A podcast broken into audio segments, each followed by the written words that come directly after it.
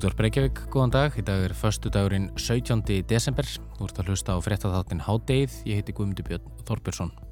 Einn besti knastbyttumæður heims undan farina ára, argentíski framherrin Sergio Agüero, lagði skóna á hilluna á tilfinningaþrungunum bladamannafundi í Barcelona í vikunni.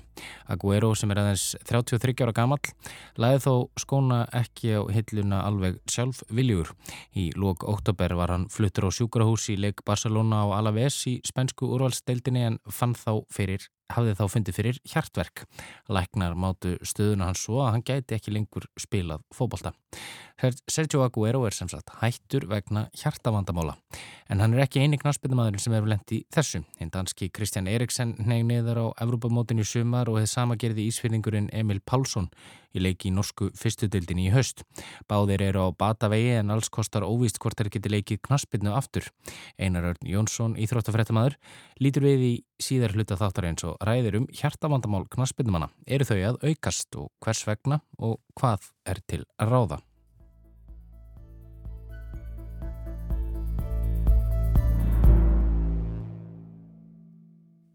En við byrjum á örskýringu vikunar. Daglegar frettir hafa verið fluttar af reytideilu Áskirs Jónssonar, sælabankastjóra og reytuvarendarins og fræðimannsins Bergsveins Birgissonar. Bergsvein sagaði Áskirum reytstuld en fíhafnar Áskir og málið hefur svo tekið nokkra óvenda snúninga. En hvernig hófst þessi deila og um hvað snýst hún? Hver var sá fyrsti sem komast að því að Ingólfur Arnarsson hafi verið rostungaveiðamaður og hvaða máli skipti það?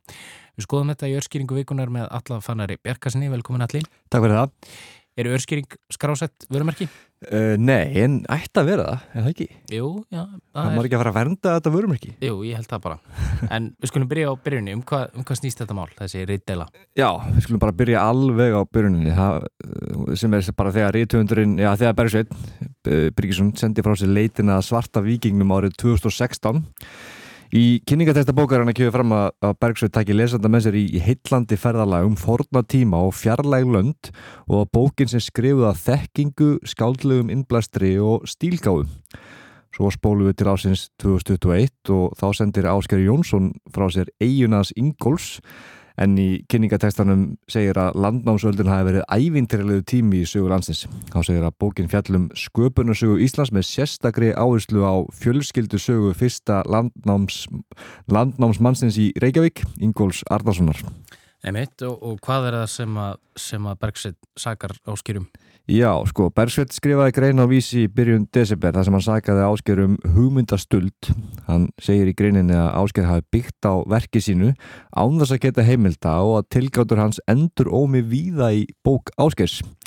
Þá sagði Bergsveitin að málið, uh, að segist að það var lagt málið fyrir síðan en Háskóla Íslands og nefndar um vandaða starfsætti í vísindum, en það alvarlegt málað hans mati og svo í þessari viku kom í ljós að síðanendin, hún ætlar að taka máli fyrir en það er óvist hvernig hún kemst að niðurstöðu. Og hvernig, hvernig bregst Sæðlabankastjóri við þessu? Já, hann ásker sendi frá sér yfirlýsingu þar sem hann vísaði ásökunum Bergsveins á bug í yfirlýsingunni sagði ásker að ásakannar kemur sér á óvart og hann hefði ekki nýtt sér bók Bergsveins við skrifin loksaðan að margir sagfræðingar hefði líst upphafi landnáms sem veiðimann á samfélagi og hann lítir svo á að hann hafi ekki verið að leggja neitt nýtt af mörgum í því efni Í kjölfari var fyrirlestri sem ásker átt að halda um efnaðasmála landnámsöldu frestað hásteg rítöfundurinn Finnbói Hermansson fram og sagaði Bergsveinum ríðstöld. Finnbói sagði Bergsvein hafa fengið eitt og annað lánað bóksinni Innræður Steinóls þegar hann skrifaði bókina svarfið brefi Helgu. Já, býtu þannig að þannig komin, komin nýra ángja þetta. Bergsvein sem sagar áskerum ríðstöld er svo sagaður sjálfur um ríðstöld af Finnbói Hermansson. Já, þannig, emi, þegar málið svona, tekið svona óvanda beigju, en Bergsvein hafnaði þessu og sagðist að það byggt á frásagnargleiði Steinóls sjálfs. Málið tók svo óvandan, eða svona enn annan óvandan snúning þegar börn Steinóls fóru fram á að Finnbói myndi draga ásakarnir sína tilbaka. Já. Og svo svona til að setja enn aðra beigja á málið, þá svona blandaðist Yllu Jökulsson í, í, í þessa, í umfyllunum málið á vísi og, og, og kenningar um að Ingólfur Ardarsson hafi verið rostunga við maður en reyndar svona, hefur það ekkert verið sérstaklega svona, ekkert sérstaklega bitbein í deilu Bergsveins og Áskils, það var bara skemmtilegt svona, já, skemmtilegu vinkill. Já, þarna var einhver, það var einhver grein hann sem að Ylvi Jökulsson uh, byrstir í, í tímaritinu Sagan mig, frá árunni 2007 það sem að já, þessar hugmyndir koma fram þar meðal annars. Já, en já, þetta mál er nú komið í nokkra hengi hvað er svona, hvað er nýjasta nýtt? Hvernig stendur þetta mál núna? já deilunar hafa bara, já, hafa haldið áfram og, og síðast saði ásker að það væri frekar auðvelt að sannreina efni í bókina hann sé unni úr landnámu en ekki bók Bergsvens. Um þetta segir Bergsveinn að skrifa ásker sem hámund heljarskinn sé eitt af því sem sanni málsitt. Ásker segir í bókinin sinni að örn okkur og hámundur heljarskinn séu frendur. Bergsveit segir að það komi hvergi fram í landnámanbók að nýja öðrum miðalda heimildum að örn sé frendi hámundar en að það komi hins vegar fram í bókinu sinni. Ásker svara þessu á Facebook með mynd af landnámanbók og bendir á að það sé frendskapu þeirra vissulega tilgreyndu með skýrum stöðum.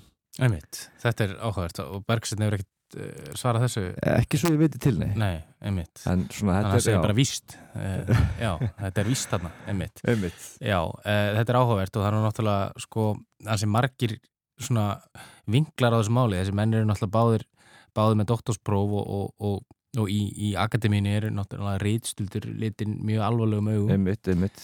þannig að, þannig að það er svona eh, það er, það er skiljanlegt að, að, að sko, það fari um Sælamangastjóra þegar hann er uh, sakaður, um, sakaður um svona þegar hann er náttúrulega fræðimæður eins og, og Bergsveit sem er sem geg, gegnir uh, prófessorstuði í Noregi. Um, en, en þá en, en enga síður eru, eru þetta bækur náttúrulega sem eru sko ekki kannski beinlínis laðar fram sem fræðibækur. Þetta eru, þetta eru svona já, allavega eins og bók Bergsveins þetta er svona skáldsaða með fræðilegu ívafi Einmitt, og, einmitt. og, og, og, ás, og Ásker svona eiginlega gefur sína út sem seðlabókastjóri Já. þetta er svona, þetta er eitthvað svona efnaðslu vingill eða svona sem kannski hagfræðingur eða, eða, eða, eða, þannig sko. Einmitt, einmitt. Og, svona, og, og hann er náttúrulega að fara kannski svolítið langt út fyrir sitt sérsvið. Þetta já, svona, mögulega sko. Þannig að en, en, en, en það er samt auðvitað alvarlegt ef, þetta, ef rétt er en svo núna fer síðanendinu vantarlega bráin í söman á það. Já, það, það er einmitt það sem ég ætla að spyrja um, um svona, hver eru næstu næstu vinklar eh, næstu, næ, hvað gerist næst? Já, það er einmitt, já, síðanendin hún, hún fer yfir þetta og þarf vantarlega svona að sapna sig gögnum og, og leggjast undir feld. En svo segist Ásker ætla að tjá sig betur um máli með greinagerð sem við hljótum að býða spennt eftir. Já, þetta er áhugavert mál og því er greinlega hvergi næri lokið. Nei. eh, Kæra þakki fyrir komuna í háttegið allir fannar uh, og þakkum fyrir örskýringu vikunar en háttegið snýr aftur strax að loknum háttegisvettum þá ætlum við að fjalla um það að argetíski knaspindumæðurinn Sergio Aguero er hættur í fótbolta þrátt fyrir að vera aðeins 33 ára gamall en hann glýmir við hjarta vandamál og er langt frá því eini knaspindumæðurinn sem hefur lent í því. Einar Örn Jónsson, íþróttufréttamaður, lítur við þá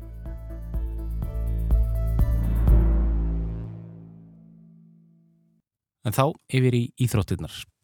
Bueno, que, que he decidido dejar de jugar fútbol I've profesional decided to stop playing professional football. nada, es un momento muy duro, It's a very difficult moment, pero bueno, eh, estoy muy feliz igual por la decisión que tomé.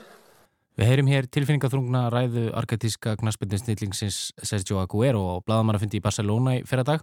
Aguero sem gekk til liðs við börsunga frá Manchester City í sumar lýsir þau hér yfir að hann hafi tekið á erfiðu ákvörðun að leggja skóna á hilluna en hann er aðeins 33 ára gamall.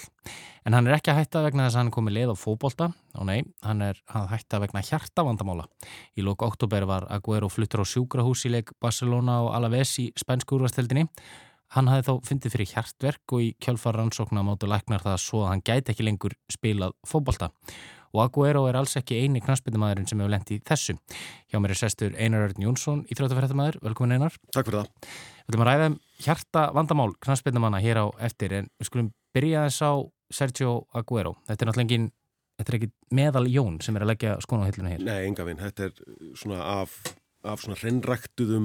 sóknarmönnum, svona klassískum nýjum uh, síðustu, síðasta áratugar held ég að hann standi framar flestum.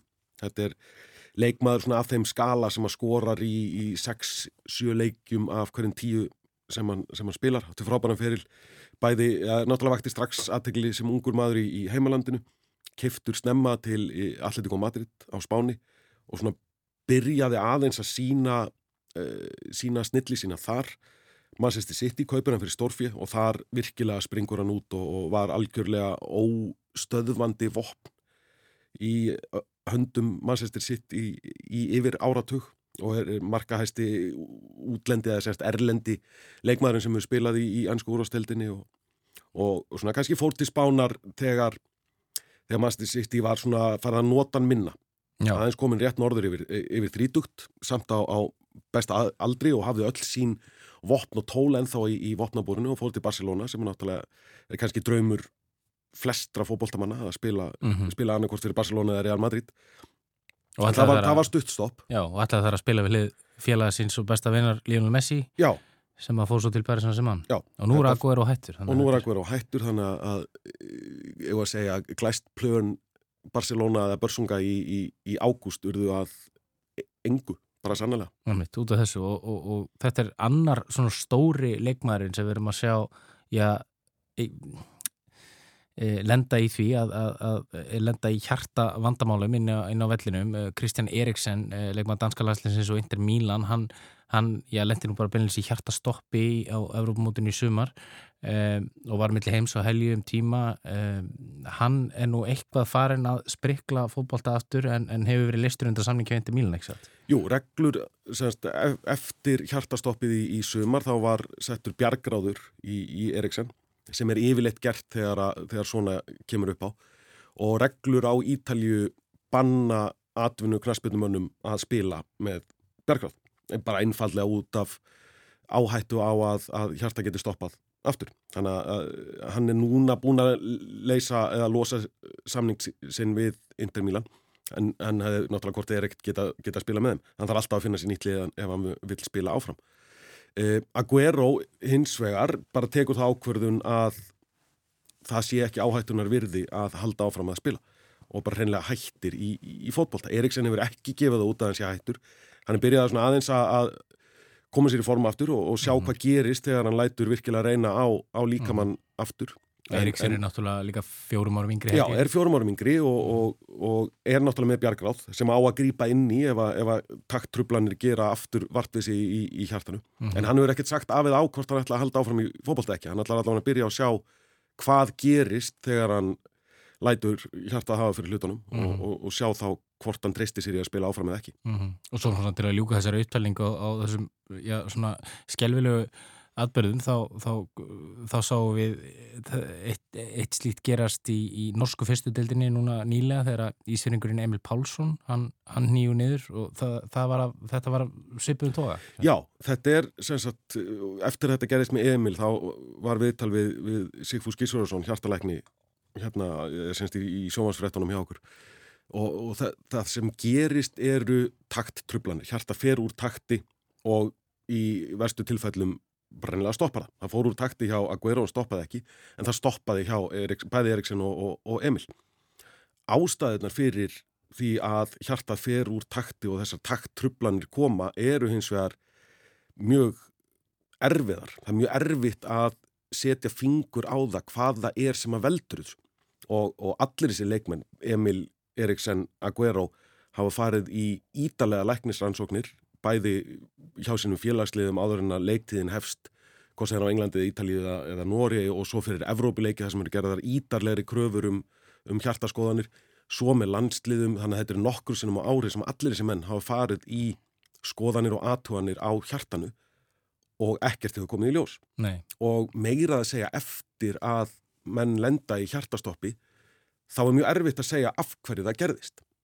Þannig að það er mjög erfitt, af þessu leiði náttúrulega, það er mjög erfitt að koma, koma í veg fyrir þetta og reyna að sjá eitthvað fyrirfram að þessi sé meiri áhættu hópi en, en einhver annar. mm en þetta eru náttúrulega atvinnu íþróttumenn og er það eh, Er það ástæðan fyrir því að þeir, já, eru þeir líklegri á einhvern hátt til þess að, til þess að lenda í, í svona atvikum? Já, umtalsvert og, og semst íþróttafólk í þól íþróttum, svona áreynslu íþróttum er í, í talsvert meiri áhættu en, en hinn almenni borgari að lenda í taktröflunum og, og, og fara í hjartastopp.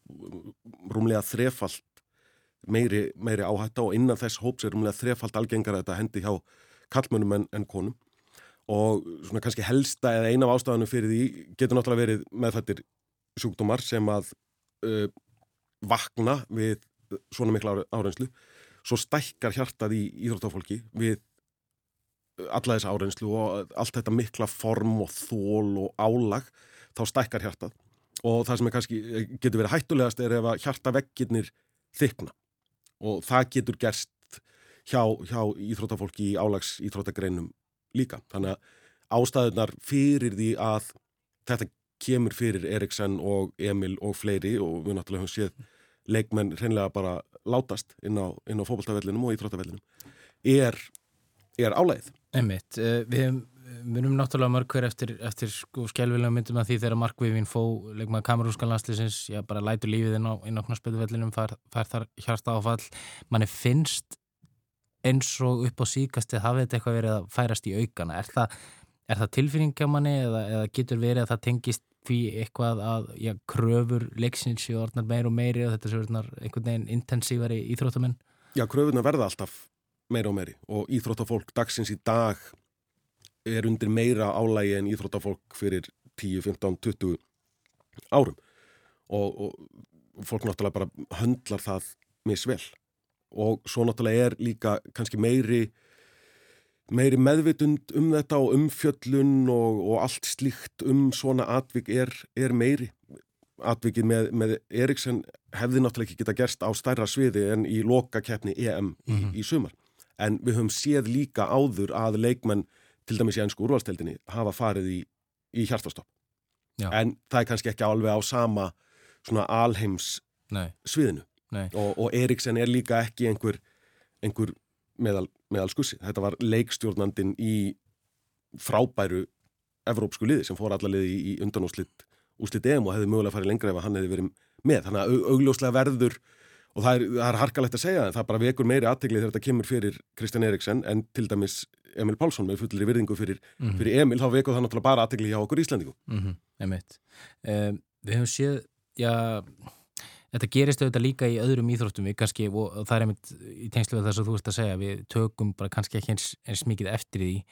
En maður hefur séð svona á undanförnu í, í kjölfar allra þessar frétta um knarspindumenn sem er að já, hætta eða, eða lendi hjartastoppi eða, eða eins og Viktor Lindelöf leikmaður Master United síðust helgi sem að fekk einhverju hjartslátt og trublanir og, og var skipt út af þá maður heyrt þetta sko gárungana segja, herrðu þetta lítur að tengjast bólusetningun bólusetningunum við COVID-19 hefur þetta verið rannsakað eitthvað? Já, þetta þetta hefur já, rannsakað eða skoðað. Ka- kannski ekki að vaða út í hinn eh, vísindulega prósess og, og náttúrulega tímabilið er ekki, er ekki með langt sem að ból, bólusetningarna hafa verið í gangi. En það hefur engin tengsl fundist á milli bólusetninga og hjartavandamála hjá íþróttafólki. Svo mikið er allavega búið að, að aðtuga og, og skoða. En vissulega er, er tímabilið sem er liðið frá því að bólusetningar hófust og, og fram til dagsins í dag kannski ekki alveg nóg fyrir, fyrir lækna til að fullir það með einhverju 100% vissu um, um orsakatengsl en tengsl á milli bólusetninga og hjartavandamála hjá þróttafólki eru engin. Og Kristján Eriksen var, var til dæmis ekki Kristján. Eriksson var ekki bólusettur, þetta, var í, þetta gerist í júni þegar bólusetningar kannski voru konin lengra, lengra hérna á Íslandi en, en viða annar staðar, þannig að var bara hennilega ekki komið að honum, það er ekki þannig að, að hann hafi hafnað bólusetningu eða, eða neitt slíkt, var bara var ekki komið að honum og, og þetta var ekki komið lengra en það í Evrópu á þessum tíma. Mhm. Þú nefndir hér áðan að, að þetta væri já, það væri bara mjög erfitt að komast að þessu hvað veldur þessum, þessum, þessum hjartaáföllum þessum hjartastoppum eh, en hvað er þá til ráða? Er, er, er þetta einfallega bara eru, eru verða atvinni íþróttumenn að hugsa sem svo að þeir séu bara í sérstökum áhættu hópi? Já, það er allavega mjög erfitt með þeim tækjum og tólum sem að læknavísindin hafa núna að, að sjá þetta fyrir. Þessi leikmenn fara í bæði í bara einföld hjarta línuritt til að sjá hvernig takturinn er í hjartanu og svo fara þeir líka í sónar þar sem er skoðað e- eins nákvæmlega og hægt er að þess að bara hreinlega að opna hjartað. Eh, hvað er í gangi í, í hjartanu og það kemur ekkert í ljós. Og, og það er mjög erfitt fyrir, fyrir lækna eitthvað að, að, að kokka upp nýjar aðferðir afsakið, til að komast að því hver gæti verið meiri áhættu hópi en annar án þess að skaðin af þeim aðgerðum er því hreinlega meiri en, en gagnið sem er af þeim. Og lausnin er einfaldlega hjartastuðtæki og góð mentun í fyrstuhjálp. Mm og það var náttúrulega það sem að bjargaði lífi Kristján Eriksen Já, og bæði, Emil, bæði Emils og, og Eriksen voru, voru frábær og snör viðbrögð e, þeirra sem að, sem að eiga að sjá um svona mál á leikjum hvort sem er sjúkraþjálfarar eða, eða læknar og aðgengi að stuðtækjanum til að koma hjartanu aftur í gang og í, í réttan takt. Einmitt að látum þetta vera að loka orðin í hátteginu þessa vikuna. Við verum hér aftur á sama tíma eftir helgi. Verið sæl.